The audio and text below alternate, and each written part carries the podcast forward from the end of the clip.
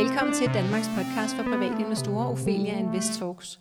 Mit navn det er Sara Ophelia Møs, og jeg driver Ophelia Invest og forlader penge med mit skønne og dygtige team. Vores mission det er at skabe rum for læring, og vores vision det er, at alle danskere ved, at investeringer er på bordet, hvis vi vil det. Strukturen er, at vi udkommer ugentligt om fredagen, og podcasten varer altid omkring 30 minutter. Vores hovedsponsor det er Nordnet og Spotlight Stock Market. Dag skal vi snakke value-strategi, og jeg har fået lov til at interviewe Kurt Kare. Jeg har faktisk øh, også fået lov til at besøge Kurt Kare, så hvis I hører nogen liste rundt i baggrunden, så er det den sødeste hund i hele verden, der hedder Mille. Allerførst, Kurt, hej til dig. Hej. Hej. Vil du ikke starte med lige at fortælle en lille smule om dig selv og din baggrund? Hvorfor er det, vi skal lytte til det, du siger? Ja, altså min baggrund er jo lidt, øh, den er lidt broet, kan man sige. Jeg, jeg er faktisk fra Vestegnen. Som barn, der voksede op i Tostrup, og så flyttede øh, min mor og jeg, vi flyttede så til, øh, til Chalør og Sydhavnen. Så det er sådan lidt de, de lidt hårdere områder af Vestegnen. Øh, men det har været med til at forme mig, øh, og det har været med til at, at lære mig, at, øh, at øh, livet er sådan set øh, dejligt, også på Vestegnen, og man kan, man kan få meget ud af, af lidt modgang tidligt i livet. Øh, så kan man bedre håndtere det senere i livet. Så, så min baggrund er sådan lidt på den måde lidt broget. Jeg havde så en, en, en fin gymnasial uddannelse og kom videre ind på universitetet og fik en kanpolit uddannelse derfra. Og øh, det korte og lange er så, at jeg var nogle år i Finansministeriet et par år. Og derfra, der søgte jeg ind i Danske Bank som Assistant Portfolio Manager, som der sidder meget, meget flot. Det betyder, at man er bare assistent for porteføljemanageren, men er, man er den, der laver alt det kedelige i starten. Ikke? Øh, men det gjorde jeg faktisk i en ret sen alder. Der var jeg omkring 28-29 år gammel. Øhm, øh, så, så det var lidt at starte forfra. Jeg havde en fornuftig, et, jeg havde et fornuftigt arbejde og en fornuftig karriere i det offentlige, men jeg følte, det var ikke, det var ikke rigtig mig. Øhm, øh, så, så jeg valgte at prøve det her, øh, og lagde mit, mit job i det offentlige som specialkonsulent. Jeg var Danmarks historiens yngste specialkonsulent dengang. Okay. Og jeg havde en, øh, på alle måder det bedste job og den bedste løn, men det var bare ikke mig. Øhm, så, øh, så det lagde jeg bag mig og startede ligesom forfra som assistent i en relativt høj alder. Øhm, og jeg var så i Danske Bank i fem år. Det var en dejlig arbejdsplads, og jeg lærte rigtig mange ting. Øh, også, om, også om at forvalte penge. Men senere kom jeg så over i det, der bliver, bliver til mig Invest, hvor jeg i dag er aktiechef og har været det i cirka 10 år, men har arbejdet der i 15. Og der har jeg så ansvaret for Invest Value Aktier, som er vores flagskib. Vi forvalter i dag cirka i runden tal 40 milliarder kroner, øhm, og har investorer fra stort set alle dele af verden øh, i det her i den her portefølje, kan man sige. Så mm. det, det er min baggrund. Og mig Invest er en investeringsforening? MyInvest er et fondsmælerselskab. Et fondsmælerselskab. Ja. Mm. Øh, vi forvalter så investeringsforeningen MyInvests midler, men vi har også private kunder og større pensionskasser som kunder, okay. som følger den samme strategi, nemlig vores value-strategi. Og hvor kan man købe øh, fondsbeviser i jeres investeringsfonde? Øh, det, det kan man sådan set over sin netbank. Der er, Okay. Ligesom at man køber alle andre investeringsforeningsbeviser, så er vi børsnoteret, og man kan sådan set købe og sælge dem, ligesom man køber og sælger en aktie. Og hvor mange forskellige øh, fonde har I, man kan vælge imellem? Og jeg ved det faktisk ikke i siden stund, men altså vi, vi har jo bare på aktiesiden har vi måske en 7-8 afdelinger, Okay. og så har vi også nogle obligationsafdelinger, lidt af også nogle blandede afdelinger. Øhm, Har du en yndlings? Så, jamen altså, jeg forvalter jo min egen, men jeg, nu er det sådan, jeg må ikke lave reklamer for vores afdelinger, Nej. heller ikke for min Nej. egen, men jeg sidder jo med det, jeg sidder med, fordi jeg synes, det er det, Er det der ligesom tiltaler mig mest, Ja. og har gjort det faktisk lige siden jeg startede i branchen i 1999. Okay. Øh, Så det er 20 år, øh, hvor jeg har arbejdet, og det har primært været med value-investeringer. Okay. Øh, For jeg kan ikke rigtig få mig selv til at lave andet, for at sige det som det. Hvorfor? Det er fordi, jeg mener, at hvis ikke en investering er en value-investering, så er den i, i min optik en spekulationsforretning. Okay. Og jeg kan ikke lide at spekulere. Øh, Jeg har ikke noget mod spekulanter. Det er ikke fordi, jeg skal være sidde på en ophøjet hest øh, og, og dømme andre. Jeg tror bare ikke, spekulation virker. Okay. Jeg har ikke set en spekulant blive meget, meget rig, men jeg har set mange spekulanter blive meget, meget fattige. Modtaget. Godt. Øhm, helt kort, vil du så ikke fortælle, øh, hvad er forskellen på en value-aktie og en vækstaktie? Ja, altså, Udover det, du lige Ja. sagde. ja, altså man kan sige, man kan starte med at definere, for at forstå det, så er man nødt til at forstå, hvad, hvad, hvordan når man snakker værdi eller vækst, så snakker man i forhold til et eller andet. Og det her et eller andet, det er det, vi kalder den færre værdi af, en aktie. Altså, hvad, hvad skal et selskab være værd? Hvad skal Mærsk være værd? Hvor mange milliarder kroner skal det være værd? Hvordan regner vi det ud? Mm. Og øh, der er mange måder at regne det ud på. Men der er nogle komponenter, der indgår i den beregning. Øh, det overrasker nok ikke mange, hvis man siger, at renten er en ret vigtig komponent. Fordi når vi tilbage diskonterer fremtidig pengestrøm, så bruger vi jo renten. Tilbage diskontere, ja. det tænker jeg er et ord, som mange af os ikke helt ved, hvad ja. det betyder. Øh, det betyder i sin essensen af det betyder, at 100 kroner i dag er ikke det samme som 100 kroner om 50 år. Okay. Du, du har jo inflation, og inflation spiser værdien af penge op. Da jeg var barn, der, i 70'erne, det er jo nogle år siden, ikke? når jeg tog bussen, så kostede, så kostede en børnebillet 50 øre. Jeg tror, en børnebillet i dag starter, jeg, jeg ved det ikke, er det 15 kroner, vi starter på? Eller, eller? Pas, eller, men det lyder hvis, plausibelt. Hvis det er plausibelt, ikke? Yes. Så lad os sige det 15, ikke? Det vil sige, prisen på, på en børnebillet, to zoner, er 30 dobbelt siden 1978 for eksempel, hvor, hvor jeg var syv år gammel og tog en bus. Ikke? Så øh, det er ret voldsomt, ja. hvis man tænker lidt over det. Så er det mm-hmm. en ret voldsom udvikling. Så hvis du havde haft 100 kroner og lagt dem ned i en kasse og sagt, jeg gør ikke noget ved mine 100 kroner, det er fint, de ligger der, og du har så ventet til 2019, så kunne du altså få en 30. del busbillet for de penge. Så din, din, din, din formue er udhulet med 29 30 del bare ved at ligge dernede i kassen. Ja for at kompensere for det, der er du nødt til at sige, jamen hvad er 100 kroner så værd om et år, om to, om tre år? Der bruger ja. du renten. Ja. Fordi det du kunne have tjent på dine 100 kroner, det er jo renten. Så 100 kroner i dag, hvis nu renten er 10% i samfundet, og du investerer 100 kroner, så får du 110 om et år, og så får du 10% på 110. Det er 121 om to år, og så videre. Det er du nødt til at tage højde for, ja. når du laver dine beregninger. Og det vigtigste i enhver værdiberegning er, hvor meget tjener et selskab i den kommende tid, og hvor meget er det værd i kroner og øre i dag, i nutidskroner.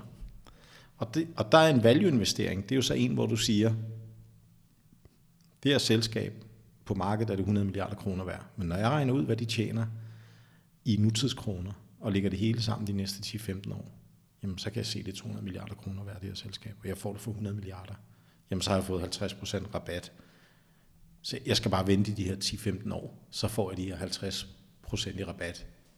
Det, bliver så, det kommer ind i prisen. Ikke? Mm. Og det er der, hvor vækstaktien så spiller en stor forskel fra en value-aktie. Fordi en vækstaktie, det er, når indtjeningen vokser i selskabet.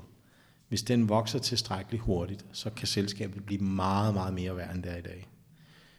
Og en vækstinvestor vil jo gå efter selskaber, der vokser meget, meget hurtigt, hvor value-investorerne siger, det er sådan nogle som mig, vi er lidt mere kedelige, vi siger, Ja, det er rigtigt. Vækst er vigtigt. Men vi kan ikke gætte på, hvad vej væksten går. Vi ved ikke, hvilke selskaber, der bliver fremtidens Apple. Og da jeg var barn, var der et selskab, der hed BO. Og BO laver ikke så mange, øh, fladsk, altså de laver ikke så mange fjernsyn i dag, som de gjorde dengang. Øh, det er ikke en, hverken en anbefaling eller en modsat anbefaling af BO. Jeg konstaterer bare, at da jeg var barn, der var BO, det var min barndoms Apple. Mm. Det var det, alle ville have. Jeg kan godt huske det. Ja, ja. det så, Øhm, men, og havde man sagt det dengang, at der vil komme et nyt selskab, der vil, der, vil, der vil tage hele verden med storm, og vil være så lækker, deres produkter være lækre osv., og det vil være verdens største selskab, så vil man nok så vil der nok være nogen, der vil sige, jamen, jamen det, det lyder ikke særlig plausibelt, og hvor, hvem er du at tro, at det skulle være det selskab? Mm. Så jeg siger, en value investor påstår ikke, at vækst er værdiløst. En value investor siger bare, at vækst er ikke så nemt at forudsige. Nej. Og derfor så prøver vi at være konservative. Så en value investor er meget, meget konservativ. Og det vil du også se, en value investor har et konservativt liv. Altså det er ikke bare noget, man er på aktiemarkedet, det er noget, du også er mm. generelt. Jeg har altid, jeg har altid sele på og tjekker mine airbags og så videre, inden jeg sætter mig bag rattet. Tjekker dine airbags? Ja, ja, jeg skal bare se, jeg skal sikre mig, at alt virker, ikke? fordi altså jeg skal bare sikre mig, at der ikke er nogen lamper, der lyser forkert, og jeg holder færdselsloven, og jeg tror, at den eneste gang, jeg har fået en billet for, for at køre for stærkt, det var, fordi jeg kørte 3 km i timen hurtigere, end jeg måtte, og det var, fordi jeg skulle nå en begravelse. Ikke? Så, det, så der, altså, det er simpelthen noget med livrem og seler, og det er, de fleste vil sige, at det er, det er meget konservativt, og, men du ved, du skal bare lave en stor fejl i dit liv, og så fjerner det alt, hvad du har lavet der er rigtigt op til det punkt, i dit liv. Uha, Kurt, det, det lyder forfærdeligt, det der. Nå, men det, ja. men det, det svarer lidt, jamen det prøver at Ja, se, hvis du, øh, hvis du kører i, øh, hvis du, lad os sige, du sidder i Formel 1, ikke? og du sidder i verdens flotteste og hurtigste bil, ikke? og der siger, der er 200 runder, øh, der er 200 laps, ikke? og du sidder der i, du ved, en V12'er, eller hvad det nu er, de kører i, ikke? og Formel 1 brændstof, og det hele er fantastisk. Det nytter jo ikke noget, at du er rigtig god i 199 laps, og så crasher du, og så går bilen op i røg og brænder. Du mister måske øh, livet som worst consequence mm. i lap 200. Så det nytter, altså, og sådan er det jo, når man investerer. Det nytter ikke noget at have 10 gode år, hvis, hvis dit 11. år medfører, at du mister det hele. Har du haft 20 gode år? Jeg har haft mange gode år. Øh, 7. i 13 har jeg ikke haft et katastrofeår. Godt. Men det er ikke fordi, det er ikke fordi jeg er specielt klog. det er fordi, jeg er forsigtig. Ja, du er konservativ. Jeg er konservativ. Godt. Så, så hvad er en, en value-strategi? Kan du, øh, Ja, kan du runde den? value også? ja, men en value-strategi er så netop, at du prøver at regne ud, hvad en virksomhed er værd, men du prøver ikke at regne den præcise værdi ud, for det er der ingen, der kan. Så du, du gør i virkeligheden det modsatte. Du siger, den er i hvert fald, i hvert fald det her værd. Og hvis du så kan få aktien til en pris, der er under den værdi, som du mener, virksomheden i hvert fald, i hvert fald er værd, jamen så, så har du en god, så har du et godt udgangspunkt. Ikke? Så man kan sige, det er bedre at have, nogen, være, at have nogenlunde ret, end at være meget præcist forkert på sit estimattal. Ikke? Så øh, man, man ser jo tit folk, der prøver at regne det ud matematisk ned til tredje decimal, og det fungerer ikke. Der er nogle helt, øh, nogle, inden for behavioral finance, altså adfærdsbaseret finansiel analyse, er der nogle undersøgelser, der viser, jo flere antagelser du bruger i dine modeller, når du laver sådan et estimat, jo flere antagelser du har, jo flere datapunkter du læner dig op af, desto mere tillid får du til, at dit estimat er rigtigt. Mm-hmm.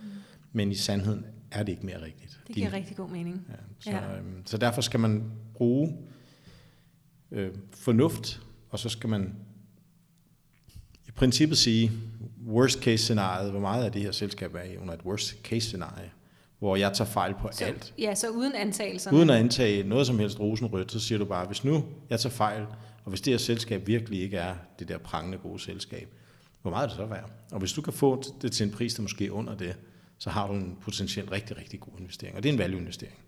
Godt. Hvad kendetegner en, en god value-aktie? Kan, kan vi få nogle... Hvad skal vi kigge efter? Jamen altså, man, det sjove er faktisk, at når du kigger på en value-aktie, så skal du i princippet gøre præcis det samme, som du gør, når du går ud og køber lever på steg.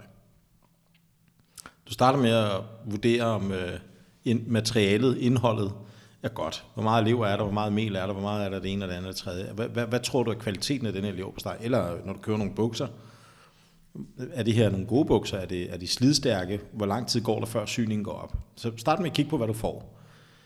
Og bagefter spørger man, hvad skal det så koste? Så øh, der, der er en tendens til blandt value-investorer derude, at de starter med at sige, at det skal bare være billigt. Men du ved jo godt, at hvis du går ud og handler ind i Netto, eller hvor det er, du handler ind, og bare køber alt, hvad der er rabat på, så kommer du hjem, og det er rigtig nok, der var rabat på det hele, men det kan være, at du har en masse ting med hjem, du ikke har brug for. Så gå- man skal gå ud og se efter ting, man kan lide. Kvalitets øh, selskaber, selskaber, som har nogle, en god forretningsmodel, som er beskyttet i et eller andet omfang, hvor de ikke lige pludselig bliver kørt over af, af, af de andre store ude på markedet. Øhm, og så skal, man, så skal man fange dem, når prisen er rigtig. Og det er faktisk det, der er det sværeste, fordi når prisen er rigtig, det er som regel, når prisen er som regel rigtig, når aktiemarkedet er mest negativ på selskabet. Og der skal man huske en meget, meget vigtig fundamental ting, og det er, øh, aktiemarkedet kan skifte holdning til selskabet 20 gange inden for dagen, men selskabets fundamentaler skifter ikke 20 gange inden for dagen. Altså øh, selskabets fundamentaler er ofte ligesom en supertanker, når først retningen er sat, så sejler man den vej. Mm. Men aktiemarkedet kan betragte, aktiemarkedets kompas svinger hele tiden, hvor Nordpolen den, den flytter sig hele tiden, ikke? og så løber lille hjernen og store hjernen rundt meget, meget forvirret på aktiemarkedet, og tror, at nu er firmaet dødt, eller nu er det verdens bedste selskab, og så dagen efter er det dødt igen, og dagen efter er det igen verdens bedste Kan du komme selskab. med et, et, et eksempel på en, øh, en value-aktie, som har klaret sig godt? Ja, altså vi købte øh, tilbage i 2012, der købte vi Microsoft. Og på det tidspunkt havde Microsoft en direktør, der hed Steve Ballmer. Og Steve Ballmer, han øh, var jo faktisk med til at skabe Microsoft sammen med Bill Gates, men alle husker Bill Gates, fordi Bill Gates ligesom er geniet, og, og, det, var, og det er han også. Altså, han, han er jo han fantastisk person. Øh, Ulrik er min partner igennem 15 år i Valle. Vi, vi har faktisk mødt ham i USA meget kort, jeg fik lige talt lidt med ham, og han, han er jo helt nede på jorden. Fantastisk personlighed og, øh, og et geni. Steve Ballmer fremstår som et mindre geni. Øh, men det er kun, han fremstår sådan, fordi han opfører sig på en mere øh, ekstrovert måde. Han kan være lidt mere store armbevægelser, juhu og så videre. Ikke? Og derfor så var der mange, der kaldte ham nogle dumme ting. Men han var ikke dum. Tværtimod var han intelligent, og han kom faktisk ud af, hvis man ser på hans, øh, de øh, karakterer, han fik fra især matematik fra universitetet, så havde han jo Luther Ace, altså han var meget, meget, meget, meget intelligent. Men i 2012 var det sådan, at det var ham, der sad ved roret, og det kunne markedet ikke rigtig lide. Øhm, og øhm, der var nogen, der skrev open editorials om, at kan du ikke bare tage dine ting og gå din vej, fordi aktien er tydeligvis påvirket af, at du handler 10 gange. Aktien handlede 10 gange i indtjeningen. Øhm, og hvad er det, det betyder? Det er et det betyder, det er et nøgletal, ja. så en måde at vurdere, om et selskab er, er, er billigt på, i hvert fald i første omgang optisk. Det, det kan være et optisk bedrag men det er at sige, hvor mange gange et års indtjening handler det her selskab til. Så, så Microsoft handlede til 10 års indtjening. Det er utrolig lavt. Det var faktisk noget af det laveste på aktiemarkedet. Og man fik 4-5% i udbytte, bare ved at holde aktien. Og det er jo, det er jo dejligt. Altså, det er jo bedre end de fleste statsrenter. I dag har vi jo negative renter rundt omkring i verden. Ikke? Øh, så den handlede 10 års indtjening. Øh, det, det er en god pris, og man fik en god udbytteprocent. Og så havde, var det faktisk sådan, at Microsofts indtjening var steget stabilt hvert år de sidste 20 år. Men alt det glemte markedet, fordi man har stirret sig blind på Steve Ballmer. Øhm, og man mente ligesom, at han var en katastrofe, og den her, det her selskab det var ved at blive kørt over af Apple og alle andre. Øhm, så vi valgte at investere i den. I dag er det verdens største selskab igen. Så det var en god investering. Ja, vi hoppede så ud tidligere, fordi vi er valgeinvestorer, så ja. i takt med, at den stiger øh, og bliver mere og mere værd, det der skete var, at den handlede lige pludselig til 25 års indtjening, og det følte vi var for dyrt, så vi begyndte at reducere vores positioner, til sidst gik vi helt ud Okay, af så det er jo rigtig interessant. Så, så selvom trenden stadigvæk er opadgående, så når ja. det er, at, ja. at den ikke længere er billig, billig i på nøgletallene, ja, på nøgletallene ja. Ja. Så, øh, så hopper I ud uanset. Ja, ja. altså det er nøgletallene, man skal se på, ja. fordi jeg plejer altså at sige, altså en pris i sig selv, det er cirka lige så værdifuldt som et fartskilt ude i en ørken. Hvis ikke der er nogen veje, der kun er sand, mm. og der, du stiller sådan et skilt op, hvor der står 110 timer, det er fuldstændig værdiløst, et begreb. Sådan et skilt har ingen, har ingen værdi. På samme måde har prisen på et selskab, altså kursen på aktien, i sig selv ingen værdi. Du er nødt til at holde det op imod noget, og det er jo selvfølgelig indtjening i selskabet. Det er det, der er, det, det, er, det, der er den reelle pris. Mm. Det andet er bare et tal. Ja. Øh, ja, altså hvis jeg sagde til dig, øh, her er der en æske, i denne æske er der en diamant. Denne æske koster 1 million. Så vil du sige, jamen at den diamant er 2 millioner værd, så jeg tager den. Men så giver der en ny æske, og siger, nu skal du se her, så her er der også en æske. Den koster ikke en million. Den koster kun 100.000. Men der er ikke noget i den. Så ved du jo godt, at du skal tage æsken til 1 million, og ikke til 100.000. Fordi den i 1 million, der er der en diamant, der er måske 2 millioner værd. Men det andet der, der, der er det bare mig, der snyder dig. Så prisen i sig selv, 1 million og 100.000, er ikke en indikation på noget som helst. Du, holder, du er nødt til at holde det op imod, hvad der er inde i æsken. Og det, der er inde i et selskabs æske, det er jo sådan set, hvad der er egenkapital, hvad der er indtjening, hvem er direktøren, hvad har de genereret indtjening osv. osv. Det er det, der er din diamant. Ikke? Og du skal sådan ligesom vurdere, hvor stor er den. Er det, er det en diamant? Er det en smaragd? Er det bare glas? Hvad er det? Og hvad koster selskabet, når jeg sammenligner det med det, jeg får for det, jeg betaler? Så pris er det, du betaler value er det, du får. Og det er, når prisen i forhold til value er skæv, at der opstår muligheder.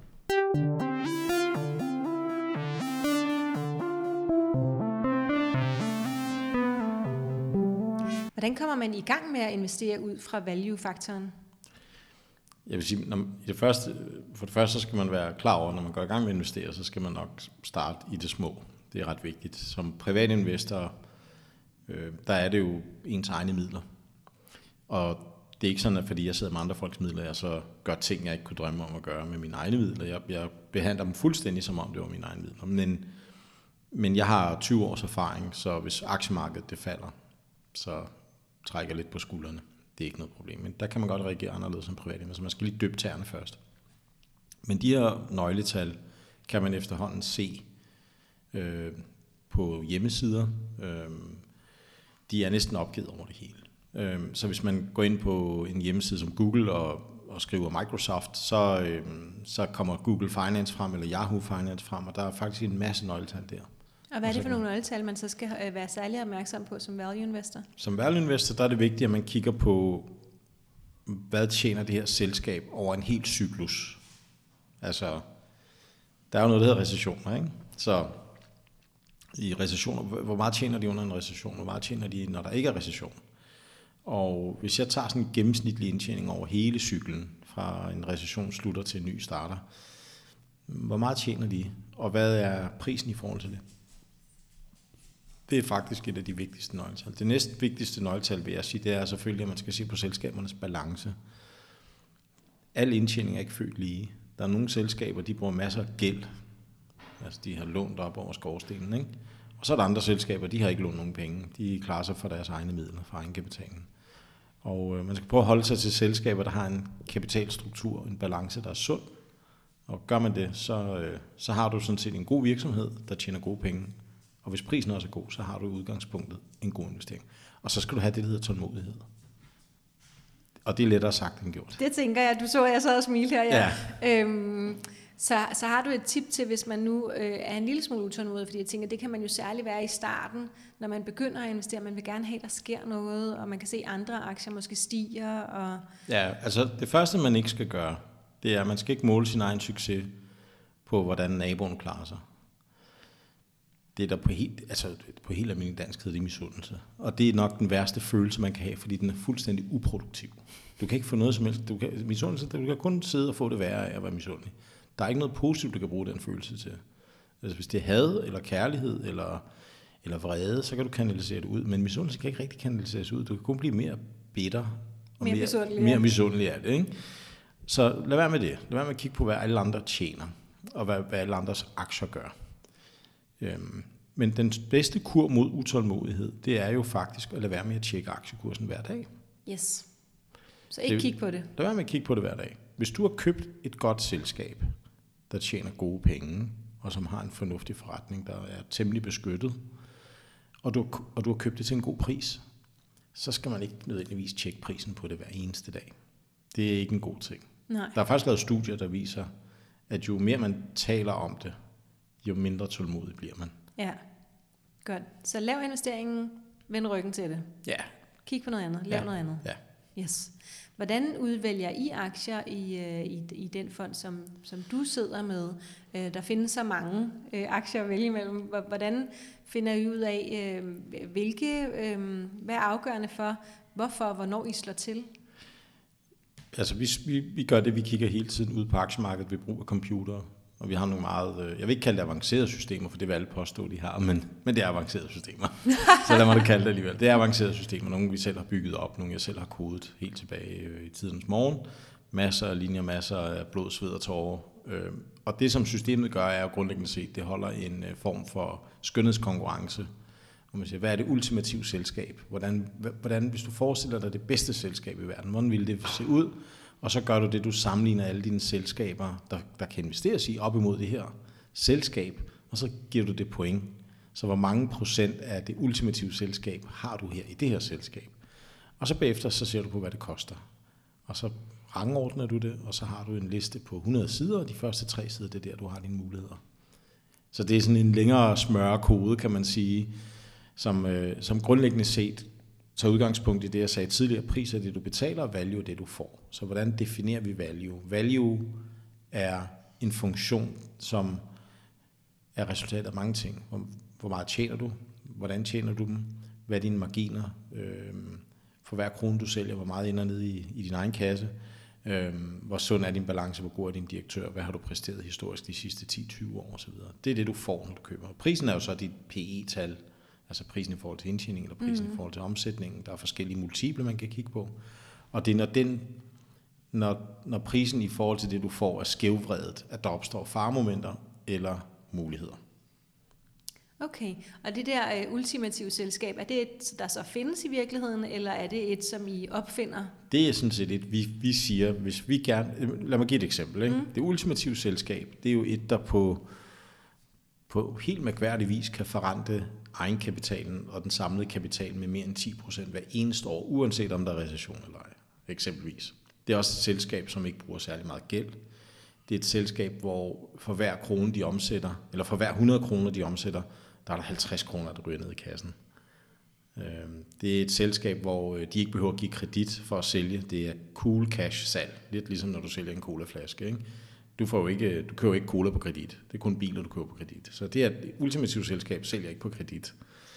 Øhm, det er også et selskab, der har haft den samme direktør de sidste 20 år. Det er et selskab, der køber aktier hjem på aktiemarkedet, når deres aktier er billige. Det er et selskab, der udbetaler udbytte, osv. osv. osv. Så det er et, det er et begreb, på samme måde som øh, man har mange andre begreber. Ophelia Invest Talks er sponsoreret af Spotlight Stock Market. Spotlight er markedspladsen, hvor investorer og vækstselskaber mødes.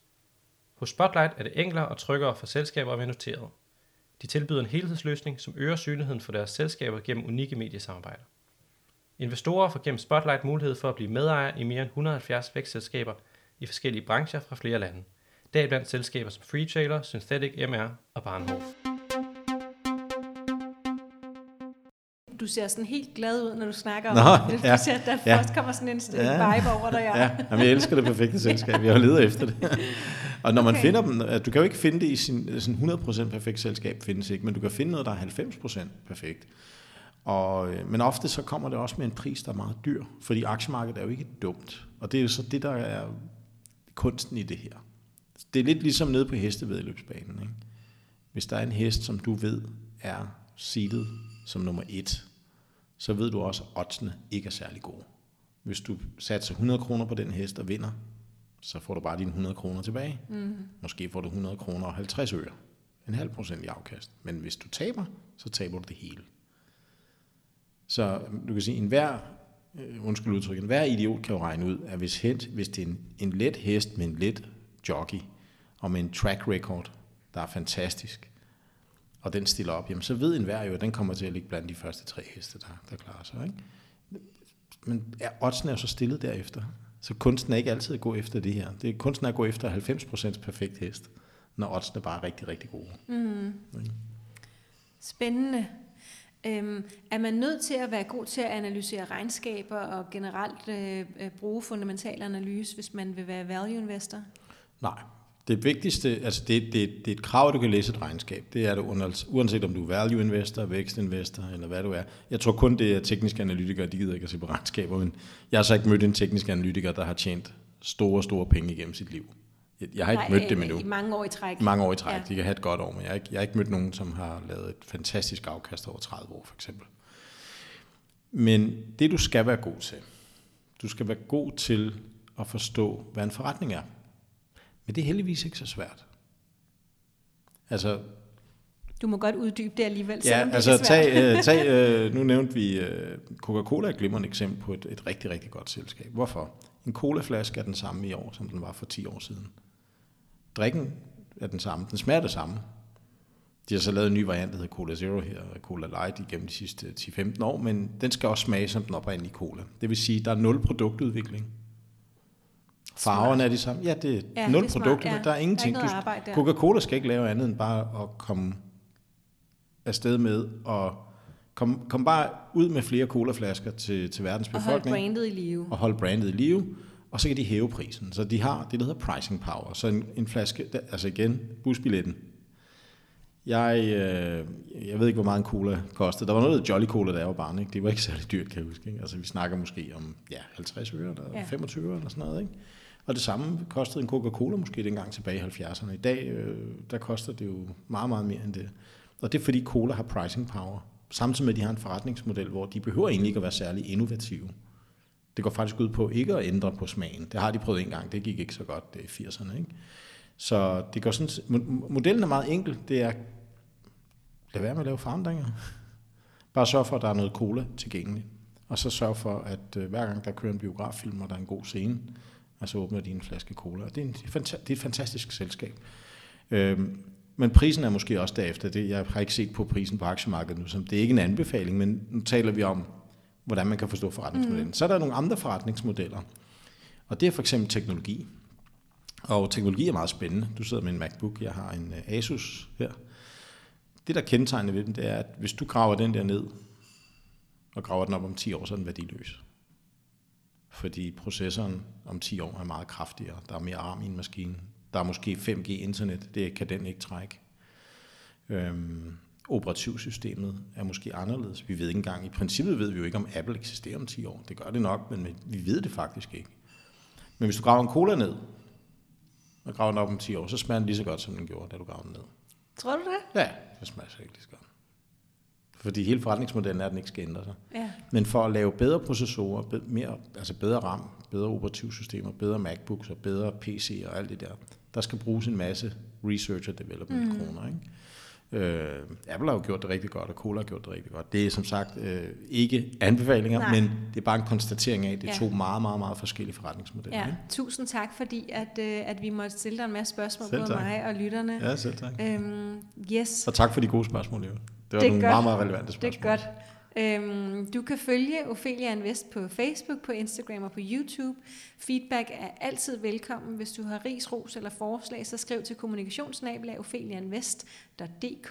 Du er meget velkommen til at rate os inde på iTunes. Og så er du også velkommen inde i både Aktieklubben Danmark og Kvindelogien Investeret, som er vores to investor communities på Facebook. Og så er der bare tilbage at sige tusind tak, fordi du lyttede med.